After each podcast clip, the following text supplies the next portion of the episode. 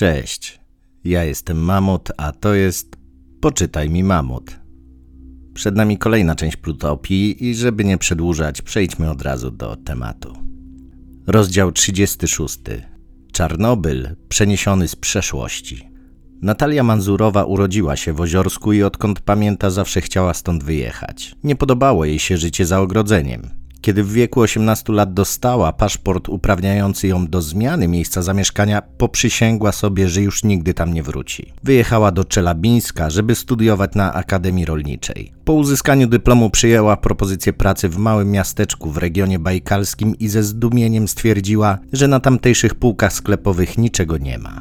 Zastanawiała się, co ludzie tam jedzą. Jak większość koleżanek młodo wyszła za mąż i niedługo po ślubie urodziła dziecko ale na syberyjskiej prowincji było tak marne zaopatrzenie, że często nie miała co do garnka włożyć. W końcu w latach 70. namówiła męża, żeby przeprowadzili się do Oziorska, miasta z pełnymi półkami sklepowymi, znakomitą opieką zdrowotną i wysokimi zarobkami. Jej mąż nigdy nie przyzwyczaił się do bram i wartowników. Po kilku latach odszedł do innej kobiety mieszkającej poza strefą. Manzurowa została z córką sama w Oziorsku. Znalazła pracę w stacji badawczej na trasie radioaktywnej chmury wyplutej przez eksplozję w 1957 roku. Praca jej się podobała. Naukowcy hodowali zwierzęta i uprawiali rośliny, a potem mierzyli zawartość radioaktywnych izotopów. Niewielki zespół miał za zadanie wypracować takie metody uprawy roli, żeby do łańcucha pokarmowego przedostawało się jak najmniej substancji promieniotwórczych. Śledzili również ewolucję genetyczną zwierząt i roślin żyjących na radioaktywnym terenie, w tamtym czasie jedynym w swoim rodzaju na całym świecie. Jeden z naukowców następująco opisuje tę placówkę. To nie było laboratorium, gdzie izoluje się muszkę owocową na szalce Petriego. Obiekty naszych badań koegzystowały z produktami rozszczepienia, co sprawiło, że nasza stacja doświadczalna była wyjątkowa na skalę światową. Manzurowa prowadziła badania, które miały posłużyć jako materiał do pracy doktorskiej. Obronę pracy zaplanowano na wiosnę 1986 roku, ale nigdy do niej nie doszło. W kwietniu 1986 roku reaktor czwarty w czarnobylskiej elektrowni przegrzał się i wybuchł, rozrzucając załadowany radioaktywnymi izotopami rdzeń o masie 1200 ton po lesie, bagnach i jeziorach północnej Ukrainy. Manzurowa i grupa badaczy ze stacji doświadczalnej należeli do najlepszych na świecie ekspertów od radioaktywnych terenów. Po trzech dekadach pracy w uralskim zatrutym pasie wiedzieli, jak powstrzymać rozprzestrzenianie się skażenia i jak ochronić ludzi i zwierzęta przed ekspozycją. W 1986 roku nagle powstał ogromny popyt na ich wiedzę. Naukowcy z Oziorska wykonali pierwsze pomiary skażonego obszaru wokół Czarnobyla i wytyczyli strefę zakazaną, z której ewakuowano 350 tysięcy mieszkańców. W 1987 roku Manzurowa posłusznie pojechała na Ukrainę, żeby pomóc. Włączono ją w masową mobilizację ponad pół miliona obywateli, którzy odgrywali swoje role po katastrofie narodowej. Katastrofy mają to do siebie, że obnażają prawdziwe oblicze narodu. Eksplozja w Czarnobylu objawiła oczom Manzurowej szkodliwe, autorytarne cechy tajnego państwa nuklearnego w samym sercu sowieckiego społeczeństwa. Odkrycie to diametralnie ją odmieniło. Miasto Prypeć, specjalnie zbudowane dla załogi elektrowni jądrowej Czarnobyl, nie nadawało się do zamieszkania z powodu nadmiernego skażenia. Zespół Manzurowej zakwaterowano w starym Czarnobylu. Urządzili prowizoryczne laboratorium w przedszkolu, spychając na bok łóżeczka i zabawki, żeby zrobić miejsce na sprzęt dozymetryczny. Manzurowa mieszkała w barakach, w których likwidatorzy nocowali na pryczach na trzy zmiany. W połowie lat 80. sowiecka gospodarka kulała i na półkach brakowało towarów. Likwidatorów w Czarnobylu dobrze karmiono, ale Manzurowa miała kłopoty z zakupem podstawowych materiałów. Rękawice i szale ochronne wycinała ze starych koców w przedszkolu. Ona i jej koledzy owijali buty taśmą klejącą, bo nie byli w stanie kupić nowych, kiedy się zakaziły. W jednym z porzuconych domów w Czarnobylu znalazła telewizor i radio. Pierwszym zadaniem zespołu było zmierzenie poziomu radiacji w ewakuowanej strefie. Zaczęli od porzuconej Prypeci, gdzie Manzurowa natrafiła na przerażający nuklearny krajobraz. Żołnierze zrzucali meble i osobisty dobytek z okien bloków mieszkalnych na zaparkowane w dole wywrotki. Mężczyźni płakali, kiedy jechali swoimi samochodami, sowieckimi symbolami męskości, na wysypisko, żeby je zakopać. Po mieście grasowały wygłodniałe psy i koty z krwawiącymi ranami. Na oddziale położniczym Manzurowa znalazła zbiorniki z płodami usuniętymi po eksplozji. Jej zespół wykonywał pomiary i lokalizował groby ciężkich maszyn, doły z zasypanymi chłopskimi chatami i cmentarze ze zwierzętami hodowlanymi zastrzelonymi w tygodniach po awarii. Zwierzęta, które znajdowały się na samym końcu łańcucha pokarmowego, miały w swoich ciałach stężone długożyciowe izotopy radioaktywne. Rozkładając się pod ziemią, uwalniały produkty rozszczepienia do gleby i wód gruntowych. Żołnierze pracujący pod kontrolą zespołu wykopywali zwłoki zwierząt i umieszczali w betonowych zbiornikach. W strefie zakazanej powstał kompleks masowych nuklearnych grobów. Wraz z liczbą odkopanych ciał rosło napromieniowanie, które osiągnęło niebezpieczny poziom. Aby uniknąć groźnych dawek, pracownicy umieszczali zwłoki zwierząt w skórzanych workach zrzucanych na wywrotki. Kierowca podjeżdżał tyłem na skraj dołu, błyskawicznie zrzucał ładunek i czym prędzej odjeżdżał. Następnie zwłoki zsuwano do masowego grobu za pomocą zaprojektowanych przez armię zdalnie sterowanych spychaczy. Kiedy dół się wypełnił, zamykano go pokrywą.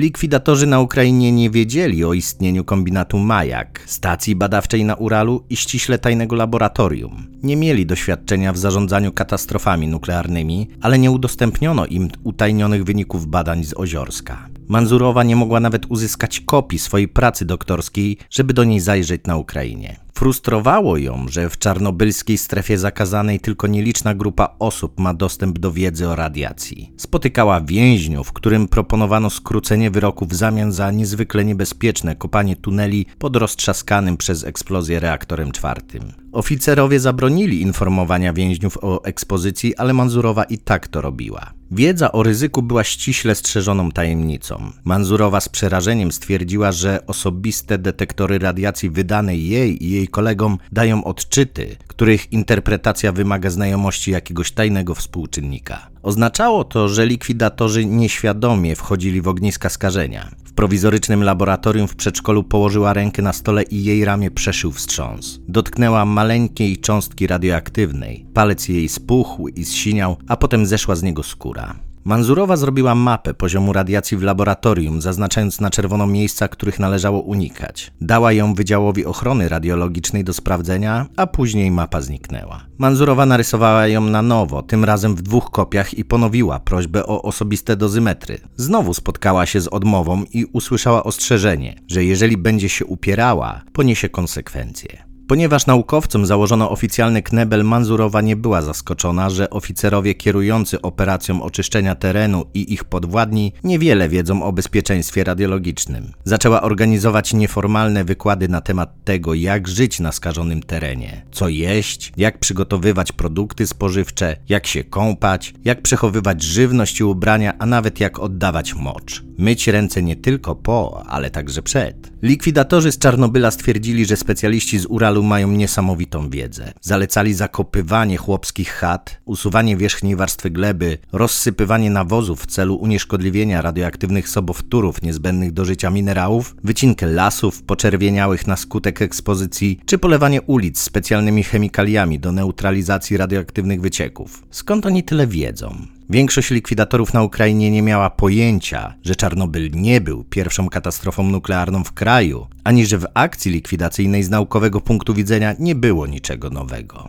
Do sytuacji awaryjnych, w tym jednej na podobną skalę na Uralu, doszło w latach 1951, 53, 55, 57 i 1967. Również pod innymi względami Czarnobyl powielał doświadczenia protoplastów wojskowego przemysłu nuklearnego. Reaktory RBMK w Czarnobylu wytwarzały zarówno energię elektryczną, jak i pluton. Elektrownia eksplodowała z powodu problemów, które od dziesięcioleci trapiły kombinat Majak nieodpowiedzialnego zarządzania, słabo wyszkolonych pracowników, pospiesznie i wadliwie wykonywanych projektów oraz procedur stawiających oszczędności wyżej od bezpieczeństwa. Tak samo jak w Oziorsku, jedynymi ludźmi wysyłającymi w Czarnobylu sygnały ostrzegawcze byli agenci KGB, którzy mieli nieograniczony dostęp do tajnych informacji, co pozwalało im poznawać problemy, lecz zasadniczo ich ignorowano, kiedy przed katastrofą donosili o niepokojącej liczbie wypadków, wadliwych pracach remontowych, tak niebezpiecznych, niebezpiecznych strefach pracy, że pracownicy nie chcieli tam wchodzić, czy sprzedaży napromieniowanych ryb ze zbiorników do studzenia paliwa. Szufladkowanie informacji, reżim tajności, nieinformowanie opinii publicznej o zagrożeniach radiologicznych, opóźnienia w ewakuacji, kierowanie do najbardziej niebezpiecznych prac łatwych do wymiany więźniów i żołnierzy, nieinformowanie skoczków i innych likwidatorów o tym, jak mogą się ochronić, nieprzewidywalność rozkładu skażenia, które zamiast regularnych koncentrycznych kół tworzyło ogniska promieniotwórczości, w Czarnobylu powtórzyły się wszystkie te bulwersujące elementy plutonowych katastrof z poprzednich czterech dekad.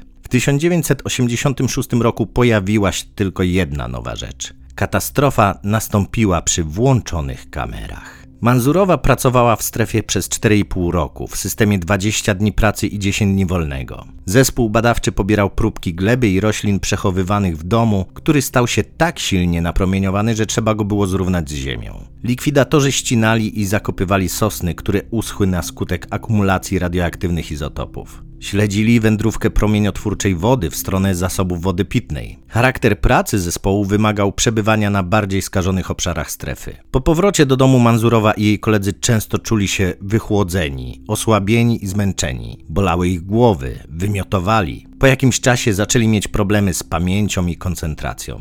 Z powodu osłabienia systemu odpornościowego często się przeziębiali i zapadali na różne infekcje. Manzurowa zaczęła bełkotać i miała kłopoty z utrzymaniem równowagi. Radiacja przyspieszała metabolizm i zwiększała popęd seksualny, co sprzyjało zawieraniu strefowych małżeństw. U wielu likwidatorów wystąpiły zaburzenia systemu nerwowego, depresja albo jedno i drugie. W ramach samoleczenia niektórzy zaczynali dużo pić. Na zdjęciach Manzurowej z lat 70. widać gibką blondynkę o chłopięcej urodzie. W Czarnobylu włosy Manzurowej utraciły blask, a pod zaszklonymi oczami, nad zapadniętymi policzkami zarysowały się ciemne półksiężyce. Pojawiła się choroba tarczycy. Wycieńczona i chora kobieta w 1992 roku porzuciła pracę w Czarnobylu i wróciła do kombinatu Majak, gdzie zatrudniła się na stanowisku inżynierskim, ale ponieważ ciągle chorowała, nie wytrwała długo. Nie obroniła pracy doktorskiej, bo jej promotor, który również pracował w Czarnobylu, zmarł na chorobę popromienną. W jego ślad poszli inni koledzy. Zapytany o ofiary śmiertelne, szef sowieckiego Komitetu Energii Atomowej Pietros Janc odpowiedział: Nauka wymaga ofiar.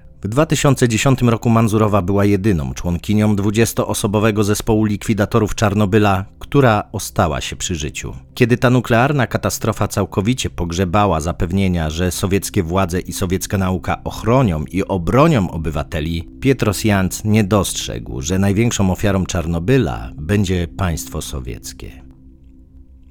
Rozdział 37 Rok 1984 Ed Bricker jedzie autobusem w mieście Olympia w stanie Washington. Ma do opowiedzenia orwellowską historię o ludziach żyjących w pułapce amerykańskiego przemysłu nuklearnego w okresie, kiedy garstka odważnych osób dążyła do jego likwidacji. W 1984 roku pracował w zakładzie Z w Hanford, powstałym po wskrzeszeniu przez Reagana wyścigu zbrojeń. W zakładzie przetwarzano teraz azotowe roztwory plutonu na pastylki wielkości krążka hokejowego do rdzeni bomb, mimo że w amerykańskich magazynach zalegał spory ich zapas. Bricker porównał ponowne uruchomienie dawno zamkniętego zakładu do próby włączenia młockarni, która od 10 lat rdzewiała na polu. Okapów nie było widać pod brudem, wspominał. System próżniowy nie działał, a kiedy działał, nie było gwarancji, że roztwór plutonu przemieści się tam, gdzie trzeba. To był jeden wielki bałagan. Jeden z inżynierów tak bardzo się bał, że cały dzień siedział w przyczepie zamiast pracować. W Hanford pracowali ojciec, dziadek i kilku spośród sześciu braci Brickera. On sam zaczynał w latach 70. na farmach zbiorników, czyli na obszarze składowania odpadów.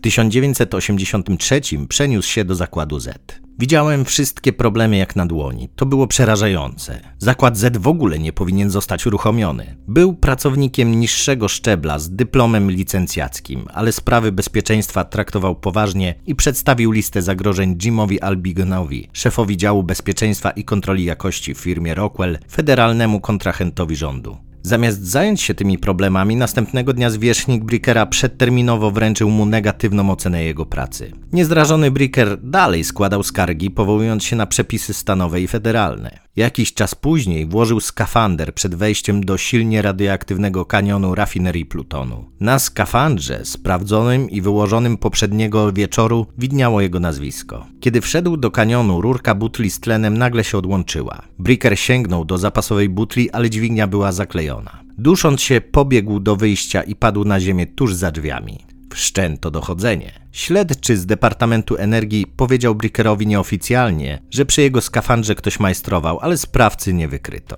Po takich próbach zastraszenia większość ludzi zrezygnowałaby z pracy, ale Bricker miał w sobie żarliwość wyznawcy. Wychowywał się w Richland, był dumny z kombinatu i przekonany, że zakład wykonuje dobrą robotę. Kiedy pytano mnie o bezpieczeństwo, powiedział: Nabożnie powtarzałem zgodnie z linią partyjną. Mamy najlepszych i najinteligentniejszych naukowców na świecie. Mamy wszystko policzone aż po rzęsę muchy. Tego typu teksty.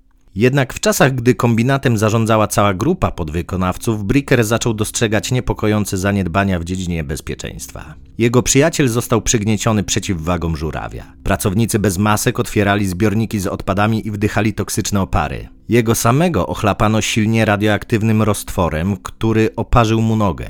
Bricker oceniał, że problemy z bezpieczeństwem po części wynikały z podzielenia kombinatu między rywalizujących ze sobą kontrahentów. Wszyscy podwykonawcy wyznawali zasadę: najpierw produkcja, potem bezpieczeństwo. Każdy skupiał się na swoim odcinku, nikt nie ogarniał całości. Zapytałam go, dlaczego po próbie zamachu na jego życie walczył dalej. Owszem, byłem w tym sam, ale nie podobało mi się, jak traktowali mnie, społeczeństwo i pieniądze podatników. Stało się dla mnie oczywiste, że nie wiedzą, co robią, nie umieją rozwiązywać problemów i nie są zainteresowani tym, co mają do powiedzenia pracownicy. Bricker, Mormon i ojciec szóstki małych dzieci nie poddał się. Pisał listy do szefostwa Rockwell i nękał Laurensa, menadżera Hanford z ramienia Departamentu Energii. Mówili mi, że jestem obłąkany, wspominał. Żeby mu to udowodnić, zwierzchnicy wysłali go do zakładowego psychologa, a jego menadżer dał mu do zrozumienia, że jeżeli dalej będzie się czepiał, to anuluje mu certyfikat bezpieczeństwa z powodu problemów ze zdrowiem psychicznym. Ponieważ Bricker nie chciał się zamknąć, oskarżono go o donosicielstwo i zdradę kolegów. Szef zmiany i inni pracownicy szykanowali go i dręczyli, a kiedy pracował na wieczorną zmianę, anonimowi ludzie dzwonili do jego żony i szeptem grozili jej śmiercią. Nazywali go mięczakiem, kutasem i szpiegiem. Game. Kierownictwo odbierało Brickera jako poważne zagrożenie dla korporacji, a tym samym dla ich sytuacji finansowej. Gdyby informacje o naruszeniach przepisów bezpieczeństwa wydostały się na zewnątrz, zakładowi groziłoby tymczasowe zamknięcie, które dla szeregowych pracowników oznaczałoby obniżkę pensji, a dla bossów utratę gigantycznych premii za osiąganie celów produkcyjnych. W skrajnej sytuacji Rockwell mogła nawet utracić lukratywny kontrakt federalny. Krótko mówiąc, stawka była wysoka, więc mnóstwo ludzi nienawidziło Brickera. Jestem zaskoczony, powiedział później jeden z menadżerów Rockwell inspektorowi z Departamentu Pracy, że któryś z chłopaków jeszcze go nie zabił. Przez swoje demaskatorskie działania Bricker miał problemy również w domu. Cindy Bricker, która pracowała jako sekretarka w dziale inżynieryjnym Rockwell, zastanawiała się, jak to możliwe, że jej mąż, laik w dziedzinie fizyki jądrowej, ma rację, a wszyscy ci szanowani przez nią, kompetentni inżynierowie się mylą. Bricker ciągle kłócił się z żoną na ten temat.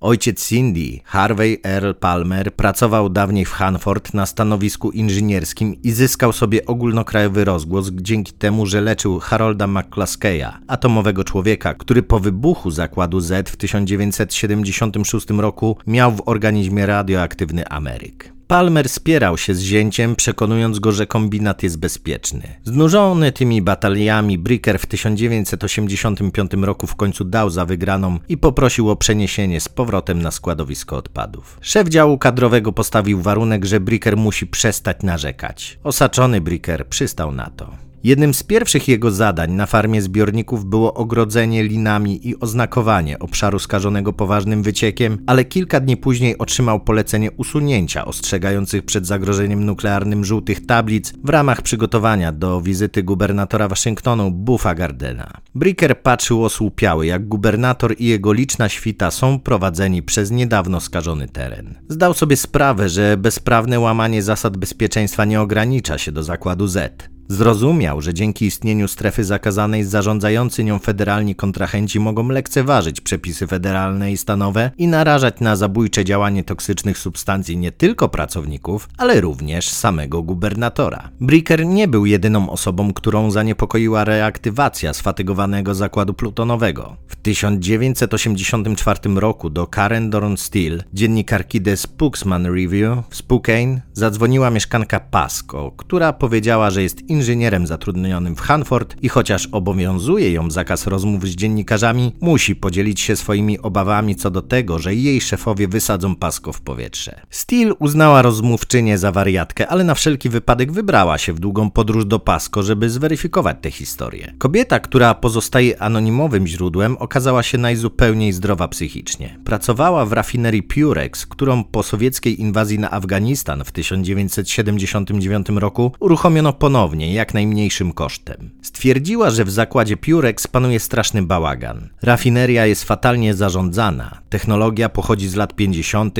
a sprzęt nie jest bezpieczny w użyciu. Dodała, że notuje się tam mnóstwo ZNO, skrót od zaginiony, nieodnaleziony. Oznaczał partię plutonu, po których bezpowrotnie zgubiono trop. Steel zaczęła wydzwaniać w różne miejsca i powołując się na ustawę o informacji publicznej, zażądała udostępnienia dokumentów o ZNO i monitorowaniu środowiskowym w Hanford. Była pierwszą dziennikarką, która pisała o kombinacie. Ten bardzo ważny dla regionu zakład przemysłowy nie budził zainteresowania redakcji. Monopol na podawanie informacji o kombinacie miał Tree City Herald, którego dziennikarze nie byli szczególnie dociekliwi. Szef Steel, kunktator i karierowicz, był niezadowolony, że jego pracownica przygotowała przygotowuje materiał o Hanford. Długo się sprzeczali i w końcu naczelny powiedział dziennikarce, że jeżeli chce pisać ten artykuł, musi to robić po godzinach. Niedługo po złożeniu przez Steele wniosku o udostępnienie dokumentów zjawił się u niej agent FBI i zasypał ją pytaniami. Chciał wiedzieć, zwłaszcza to, dlaczego dziennikarka interesuje się Plutonem. Kobieta kazała mu opuścić redakcję i zinterpretowała jego wizytę jako próbę zastraszenia, mającą ją nakłonić do rezygnacji z zajmowania się tym tematem. Jednak Steele, drobny rudzielec, nie należała do ludzi strachliwych. Próba zastraszenia jej przez FBI utwierdziła ją w przekonaniu, że jest na tropie ważnej sprawy. Potwierdziła doniesienia z swoich źródeł o ginącym plutonie. Tymczasem inspektor bezpieczeństwa w Rockwell Casey Rood również był zaniepokojony problemami z bezpieczeństwem w Hanford i brakiem reakcji władz spółki na zagrożenia. Przekazał raport z kontroli dziennikarzowi Seattle Times, który w opartych na tych materiałach artykułach przedstawił obraz podobny do tego, jaki miała Steel. Ta dwójka dziennikarzy dalej prowadziła śledztwo i publikowała artykuły o złym zarządzaniu i skażeniu w zakładach Purex i Z. Wynikało z nich, że przestarzałe rafinerie stanowią zagrożenie dla pracowników i okolicznej ludności. Zainspirowana tymi artykułami grupa pacyfistów spotkała się w kościele w Spokane, zaniepokojona wskrzeszeniem przez Reagana zimnowojennej retoryki i 39% wzrostem budżetu obronnego. Członkowie tej organizacji postanowili wziąć na cel Hanford jako lokalny przejaw wyścigu zbrojeń. Bill Hugh, pastor unitariański z doktoratem z chemii, przekonywał, że zamiast protestować pod fabrykami rakietnika,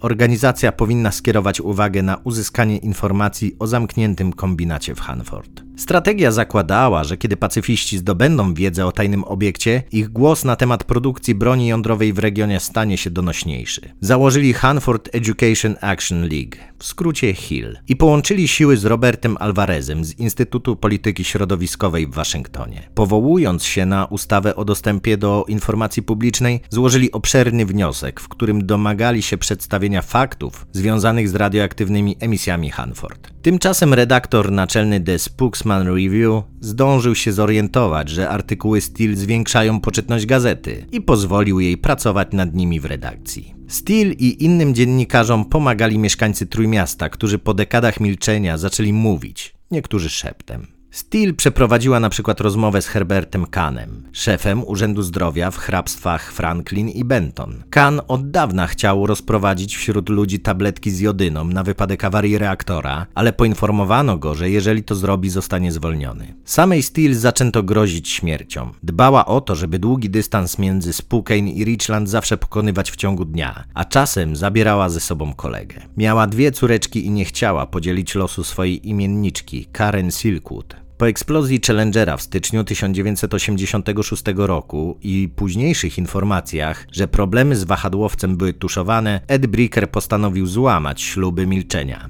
Cindy Bricker dowiedziała się o Whistleblower Protection Act, ustawie, która zapewniała ochronę pracownikom ujawniającym informacje o naruszeniu przez pracodawcę prawa lub o podejmowaniu działań zagrażających zdrowiu albo bezpieczeństwu publicznemu. Uznawszy, że mają prawo po swojej stronie, zgodziła się współpracować z mężem. Wieczorami, kiedy dzieci już spały, spisywali na maszynie doniesienia o naruszeniach bezpieczeństwa w kombinacie, a następnie jako anonimowi informatorzy wysyłali te materiały patrzącej władzom na rękę organizacji pozarządowej Government Accountability Project i różnym komisjom kongresowym. Naciski Hill, doniesienia medialne i druzgoczące materiały przesyłane kongresmenom spowodowały, że nad Departamentem Energii, który po rozwiązaniu Komisji Energii Atomowej przejął nadzór nad obiektami nuklearnymi, zaczęły się zbierać czarne chmury. Pod wpływem tych wszystkich nacisków urzędnicy DOE postanowili zacząć udawać, że grają w otwarte karty. Na konferencji prasowej w lutym 1986 roku Michael Lawrence, szef DOE w Richland, przed pełnymi nadziei działaczami i dziennikarzami położył, a raczej postawił 19 tysięcy stron odtajnionych dokumentów, zadeklarował, że Hanford nie ma nic do ukrycia i oświadczył, że dokumenty pokażą, iż w kombinacie nikomu nic się nie stało. Po cichu liczył na to, że rozmiary i techniczna zawiłość półtora metrowego stosu dokumentów odstraszą krytyków. Zagrywka ta okazała się zupełnie chybiona. Organizacja Hill i lokalni dziennikarze byli amerykańskimi patriotami, którzy uważali, że dostęp do informacji stanowi kościec społeczeństwa otwartego. Niezrażeni przebrnęli przez całą górę skomplikowanych danych technicznych. Szybko dokopali się do dokumentów na temat Green Run, który przyćmiewał awarię w elektrowni Three Mile Island. Odkryli również, że nie był to wypadek. W latach 40. i 50. kombinat w ramach normalnych procedur emitował do środowiska gigantyczne ilości radioaktywnych odpadów. Łączne skażenie oszacowali na miliony kiurów, co według ówczesnej wiedzy stanowiło absolutny rekord wszechczasów. Kilka tygodni po tych odkryciach wybuchł reaktor w Czarnobylu. Amerykanie oglądali w telewizji likwidatorów dźwigających napromieniowane bloki grafitu. Patrzyli, jak promieniowanie gamma zakłóca systemy elektroniczne helikopterów, które spadają w stronę dymiącego reaktora. Zobaczyli, jak cała ludność miasta Prypeć w popłochu wsiada do autobusów i ucieka przed śmiercią, podczas gdy przebywający w bezpiecznym oddaleniu politycy minimalizują zagrożenie, sypiąc kłamliwymi frazesami. Czarnobylska katastrofa w wstrząsnęła amerykańskim establishmentem nuklearnym, bo stosowane na Ukrainie reaktory z grafitem w roli moderatora i chłodzone wodą były oparte na projektach wykradzionych w latach 40. ze Stanów Zjednoczonych. Reaktor powielający numer 4 był prawie repliką reaktora N z Hanford, to też urzędnicy DOI kilka miesięcy później w pośpiechu go zamknęli. Alvarez, kongresowy śledczy, wyraził zatrąskanie z powodu wielu innych niepokojących podobieństw między sowieckimi i amerykańskimi kompleksami nuklearnymi. Reaktory bez osłony biologicznej, siejące skażenie rafinerie, obiekty funkcjonujące poza nadzorem urzędów kontrolnych, marnotrawstwo środków publicznych i traktowanie obiektów nuklearnych jako narodowych stref poświęcenia. Kongresowi śledczy zintensyfikowali swoje działania i zarządzili pierwsze zewnętrzne kontrole bezpieczeństwa w amerykańskich zbrojeniowych obiektach nuklearnych. Swoją kontrolę przeprowadził też DOE. W Hanford stwierdzono tak poważne problemy, że jesienią 1986 roku kongresmeni nakazali wstrzymanie produkcji do czasu ich rozwiązania. W artykułach prasowych opisywano panujące w strefie nuklearnej bezprawie. Pracownicy odurzali się i handlowali w pracy marihuaną i heroiną, a także wnosili broń na teren strefy zakazanej, do której policja nie miała wstępu. Zasypywany wnioskami DOI, z którego co rusz coś wyciekało, odtajniał kolejne dokumenty. W 1987 roku rozwiązano umowę z Rockwell, na której miejsce przyszedł Westinghouse. Nadal jednak do opinii publicznej docierały informacje o rażących zaniedbaniach i skażeniu we wszystkich zbrojeniowych obiektach nuklearnych w kraju. Od końca września 1988 roku do początku marca 1989 roku New York Times codziennie publikował jakieś sensacje na ten temat. Nagłówki prasowe zadziałały jak nalot dywanowy. Każda kolejna bomba rozbijała obowiązujące prawdy, które przez dziesięciolecia trzymały razem mieszkańców takich miejscowości jak Richland. W Trójmieście mała grupa pacyfistów protestowała przeciwko wznowieniu produkcji broni i zachęcała do przerwania zmowy milczenia. Jednak znacznie większa liczba mieszkańców była wściekła z powodu negatywnego obrazu regionu przedstawianego w ogólnokrajowej prasie. Jeżeli demaskatorzy nadal będą narzekali, a dziennikarze rozgłaszali uzyskane od nich rewelacje, to kombinat zostanie na zawsze zamknięty. Co się wtedy stanie z ich miejscami pracy, cenami nieruchomości i miejscowościami? Materiały prasowe nabrały też bardziej osobistego charakteru. Niektórzy komentatorzy porównywali awaryjne zakłady zbrojeniowe do ogólnie przeżywającego kryzys przemysłu motoryzacyjnego i wytwórczego, sugerując, że Amerykanie nie panują już nad rozwiązaniami naukowo-technicznymi, które sami wymyślili. Napięcia rosły. Brickera zaczęto nazywać w pracy tym pieprzonym Brickerem. Zlecano mu najtrudniejsze zadania i ciągle go poniżano. Jeden z kolegów uderzył go w twarz. W styczniu 1987 roku zastępca dyrektora generalnego Clegg Crawford spotkał się z Whitneyem Walkerem, zastępcą szefa Wydziału Zabezpieczeń i Bezpieczeństwa w DOI, aby omówić problem Brickera. Whitney, kierujący niemałą armią złożoną z 400 uzbrojonych funkcjonariuszy, w notatce zatytułowanej Pozycja specjalna Kret naszkicował plan niezwłocznego usunięcia Brickera. Zwolnienie Brickera nie było jednak takie proste. Z racji dziesięcioletniego stażu pracy przysługiwały mu pewne zabezpieczenia i miał wsparcie związków. Whitney szukał kompromitujących informacji, które uzasadniałyby jego zwolnienie albo pozwoliły go zaszantażować, żeby sam zrezygnował z pracy. Wykonując tę misję, funkcjonariusze dali kolegom Brickera urządzenia podsłuchowe i poprosili ich o nagrywanie kłopotliwego współpracownika. Jego znajomych przymuszali, by na niego donosili. Brickerowie słyszeli trzaski w telefonie, a pewnego dnia zobaczyli zaparkowany przed ich domem wóz transmisyjny. Czyżby byli nagrywani? W gabinecie wojennym imienia Brickera, jak to nazywali funkcjonariusze Wydziału Bezpieczeństwa DOI, przeanalizowano zebrane dane, ale na tego pobożnego domatora nie znaleziono żadnego haka, który by uzasadniał jego zwolnienie. Kiedy w 1987 roku Westinghouse przejął kontrakt rządowy od Rockwell, funkcjonariusze nadal gromadzili informacje o Brickerze, których nazbierało się aż 11 tomów. Westinghouse zażądał od niego poddania się dwóm dodatkowym testom psychologicznym, jeżeli chce zachować pracę. Uznawanie dysydentów za chorych psychicznie to praktyka sowiecka, komentowała Cindy Bricker. Nigdy bym nie uwierzyła, że to może się wydarzyć w Ameryce. Tymczasem w Richland mieszkańcy zorganizowali się w obronie kombinatu, powołując grupę o nazwie Hanford Family. Drukowali broszury z informacjami o znakomitym stanie zdrowia ludności i bezpiecznych warunkach pracy w zakładzie. Urządzali wiece i utworzyli łańcuch z ludzi przez Kolumbię, aby wyrazić solidarność z kombinatem i poparcie dla działań na rzecz obronności. Jednak w sytuacji, kiedy mieszkańcy Europy Wschodniej wyprowadzali sztandary partii komunistycznych, a Michaił Gorbaczow radośnie likwidował sowiecki zimnowojenny arsenał, apele o tajność, wzrost obronności i nuklearną czujność brzmiały w najlepszym razie anachronicznie. W 1989 roku po zburzeniu muru berlińskiego amerykański kompleks broni jądrowej zawalił się pod ciężarem własnej przestarzałości. W tym samym roku urzędnicy DOI zamknęli kombinat plutonowy i przyznali, że pozostawił po sobie katastrofę ekologiczną. Dotarło do nich, że mają problem z nadzorem i autorytetem, który postanowili po części rozwiązać za pomocą nowego słownictwa. Obiecali, że w przyszłości będą współpracować ze stanowymi i lokalnymi udziałowcami w duchu transparentności i odpowiedzialności ekologicznej. Prezydent Bill Clinton sekretarzem DOI mianował Hazel O'Leary, która obiecała chronić demaskatorów. Casey Root otrzymał stanowisko inspektora bezpieczeństwa DOI. Departament Zdrowia stanu Waszyngton zatrudnił Eda Brickera jako inspektora obiektów Hanford. Audytorzy DOI szacowali, że oczyszczenie terenu będzie kosztowało 100 miliardów dolarów i potrwa 50 lat. Rachunek do zapłacenia wprawił kongresmenów w osłupienie, ale mieszkańcy Trójmiasta głośno odetchnęli z ulgą. Od wielu lat lobbujący za Hanford Sam Wolpentest lekkomyślnie chlapnął do dziennikarza Wall Street Journal, że zbiorniki z radioaktywnym skażeniem to żyła złota. Zielone papierki sypią się z nieba, zachwycał się. Rzeczywiście na początku lat 90. przy oczyszczaniu terenu kombinatu pracowało 18 tysięcy osób.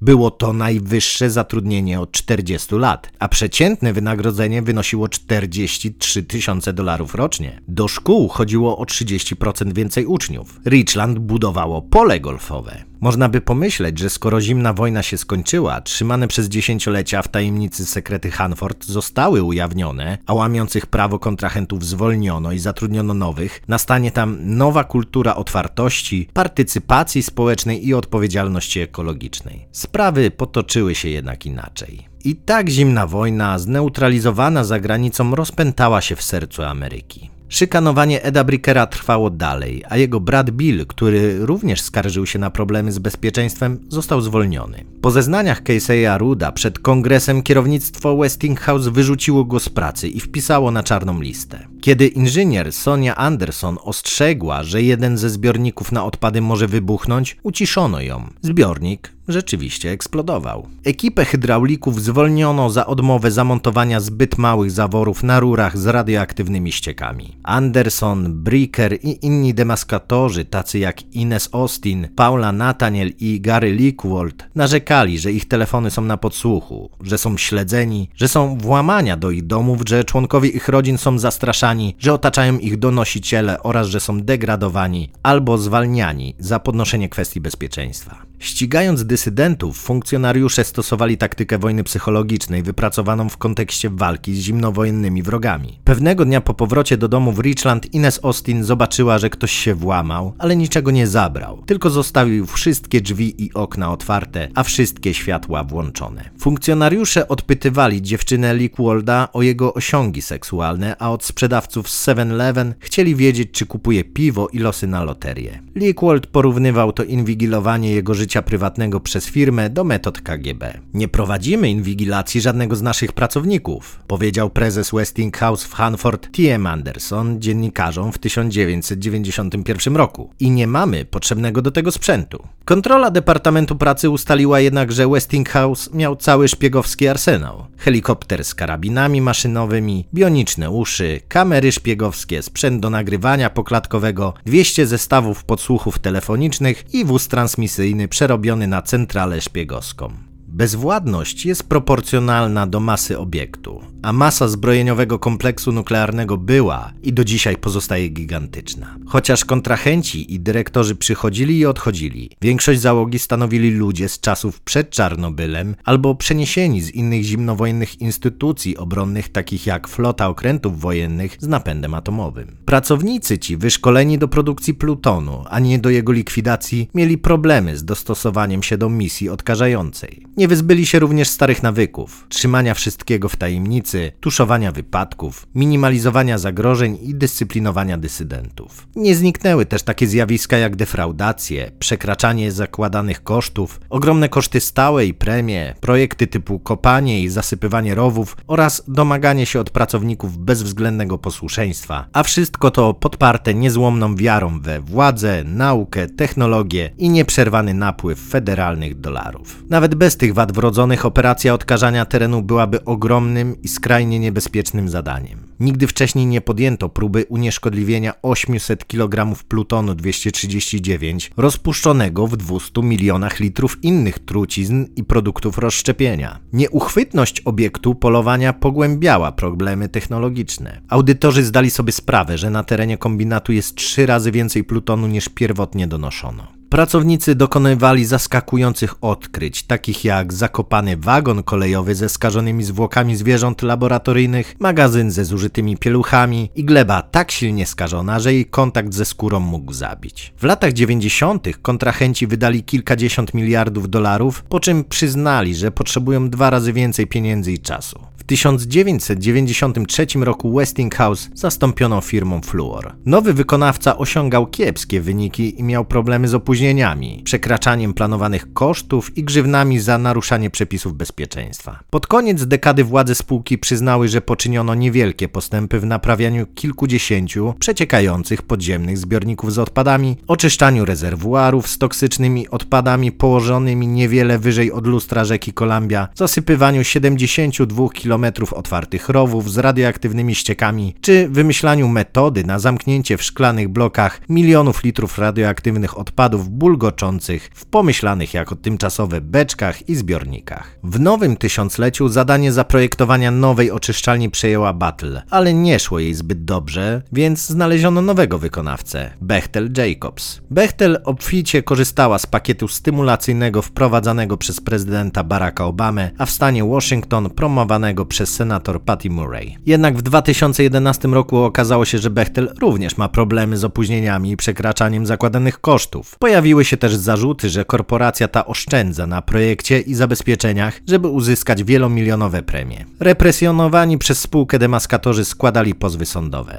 Jeden z nich, dawny główny projektant Walt Tamosatis, należy do grupy ludzi, którzy twierdzą, że kosztujący 12 miliardów dolarów zakład witryfikacji, zaprojektowany przez Battle i zbudowany przez Bechtel w trybie przyspieszonym, nie zadziała i istnieje duże prawdopodobieństwo wybuchu po jego uruchomieniu. W 2011 roku Ed Bricker jechał w mieście Olimpia autobusem, bo w ramach ugody sądowej z Departamentem Zdrowia stanu Waszyngton nie może już pracować jako inspektor przemysłu jądrowego. Cierpi na wiele chorób zawodowych. Na skórze ma melanomy i cysty od skapujących skażonych ścieków, a wdychanie toksycznych wyziewów wywołało u niego przewlekłą obturacyjną chorobę płuc. Karen Dorn Steele przeszła na wcześniejszą emeryturę, kiedy The Spokesman Review z powodu kłopotów finansowych zmniejszył dział śledczy. Casey Root, który w latach 90. pracował jako inspektor bezpieczeństwa w DOI, został zwolniony, kiedy z urzędu odeszła jego wysoko postawiona protektorka Hazer O'Leary. Jego losy podzielili inni demaskatorzy.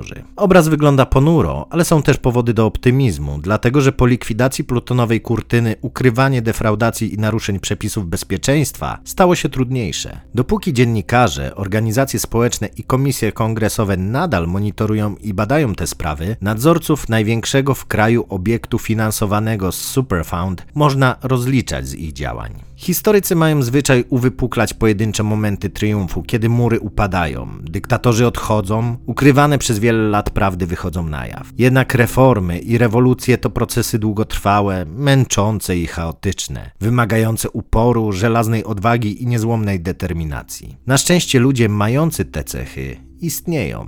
25 lat po zapoznaniu opinii publicznej z tym tematem Karen Dornsteel nadal publikuje artykuły o Hanford. Tom Carpenter z organizacji Government Accountability Project po raz pierwszy wystąpił w obronie Brickera i Ruda w 1987 roku. Nadal niestrudzenie obserwuje i opisuje operacje odkażania Hanford oraz naruszenia zasad bezpieczeństwa i praw pracowniczych, podobnie jak Bob Alvarez. To tylko kilku spośród ludzi, którzy podjęli się misji kontrolowania państwa i jego kontrahentów, przebrnięcia przez labirynt biurokracji i przepisów bezpieczeństwa, by zwrócić uwagę na procedury rozszczepienia, które tak łatwo ukryć, zlekceważyć lub zanegować. Osoby te z własnej inicjatywy biorą na siebie brzemię pozostawione przez cztery dekady istnienia arsenału szaleństwa, jak to nazywa historyk Richard Rhodes. W latach 80. członkowie Hanford Family unieśli amerykańskie flagi i zaczęli przekonywać, że w odróżnieniu od nich ich przeciwnicy nie są patriotami. Nie sposób zaprzeczyć, że wielu pracowników przemysłu plutonowego poświęciło życie i zdrowie w obronie narodu. Ale wieloletnie kruszenie plutonowej kurtyny wymagało upartej wiary w demokrację. Ci strażnicy zdrowia narodu również są bohaterami, nawet jeżeli mało znanymi i nieopiewanymi przez poetów. Myślę, że na dzisiaj wystarczy. Do usłyszenia.